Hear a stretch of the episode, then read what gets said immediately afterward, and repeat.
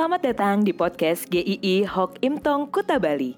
Penginjil Ray Reginaldi akan membagikan renungan harian singkat untuk membawa Anda mengenal dan menyembah Tuhan Yesus, bertumbuh dan menjadi murid Kristus, serta berdampak untuk banyak orang. Jika Anda merasa diberkati melalui renungan ini, silahkan bagikan podcast ini agar orang lain juga diberkati.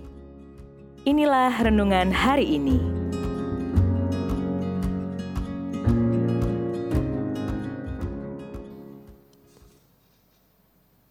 Aku tidak takut lagi.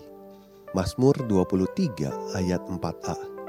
Sekalipun aku berjalan dalam lembah kekelaman, aku tidak takut bahaya sebab engkau besertaku. Tahun 2020 banyak orang yang mempunyai mimpi-mimpi yang indah. Mengawali tahun dengan semangat yang penuh rasa optimis. Apalagi angkanya kembar 2020 banyak yang merancang bisnisnya untuk diperluas, membuka cabang di beberapa kota. Ada juga yang sudah menentukan tanggal dari jauh-jauh hari untuk menikah. Juga ada anak-anak muda yang sudah mempersiapkan dengan begitu matang untuk bisa kuliah ke luar negeri. Juga ada orang-orang hobi untuk jalan-jalan sudah merancang saya akan jalan-jalan ke negara A, negara B, dan lain-lain. Namun, banyak prediksi yang meleset, mimpi yang buyar, berjalan di 2020 seperti meredup dan penuh ketidakjelasan.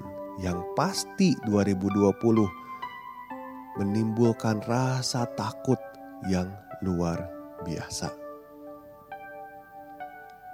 Pemasmur menyadari jalan hidup tidak selalu aman ada kalanya harus berjalan di tengah-tengah ancaman dan bahaya. Lembah kekelaman yang dikatakan pemazmur bisa diterjemahkan sebagai lembah bayang-bayang maut.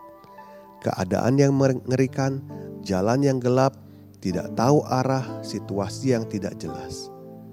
Tetapi dia mengatakan, "Aku tidak takut bahaya." Mengapa dia bisa mengatakan demikian? Aku tidak takut bahaya karena aku pintar berperang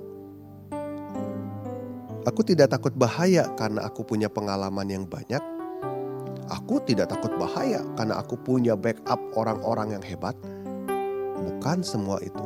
Saat dia berkata, "Aku tidak takut bahaya," alasannya hanya satu: karena Tuhan beserta dengannya. Dia menyandarkan dirinya kepada Tuhan. Dia merasa aman dan tenang ketika ada Tuhan yang bersamanya. Ketenangan dari pemazmur bukan karena kondisi seperti apa yang dihadapinya, tetapi dengan siapa dia berjalan. Berjalan di dalam lembah kekelaman bersama Tuhan bukan berarti kita tidak pernah merasakan terluka dan sakit, tetapi semua kesulitan yang kita hadapi itu tidak akan menghancurkan kita. Kita akan bisa menghadapi semuanya itu, walau kadang terasa sakit, sulit, belum tahu apa yang harus dilakukan. Berjalan disertai Tuhan dengan berjalan sendiri adalah dua hal yang sangat berbeda sekali. Satu hal lagi yang indah dari Mazmur ini adalah saat Daud menceritakan di padang rumput yang hijau, keadaan yang baik dan nyaman, dia menyebut Tuhan dengan kata ganti orang ketiga, iya. Tetapi begitu dia berkata berjalan dalam lembah kekelaman, ada penggantian penyebutan engkau. Ada satu kedekatan yang berbeda, seperti sebuah dialog yang akrab, dekat sekali. Ketika dia ada di dalam lembah kekelaman, dia tahu Tuhan itu dekat dan bersamanya. Di dalam situasi krisis dan terpuruk, Tuhan begitu dekatnya dengan kita. Kita bisa mengatakan, "Tuhan, Aku tahu engkau bersamaku di dalam situasi sulit ini. Tuhan Yesus berkata, "Akulah gembala yang baik." Gembala yang baik memberikan nyawanya bagi domba-dombanya. Hidup manusia selamanya akan ada di dalam kekelaman kalau Tuhan Yesus tidak pernah datang dan memberikan hidupnya untuk menyelamatkan kita yang percaya kepadanya.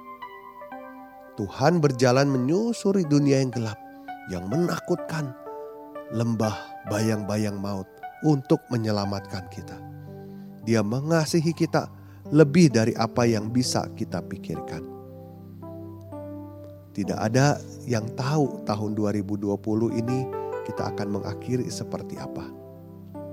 Namun, situasi semengerikan apa pun yang Anda hadapi hari ini, katakan, "Aku tidak takut lagi karena Tuhan beserta denganku."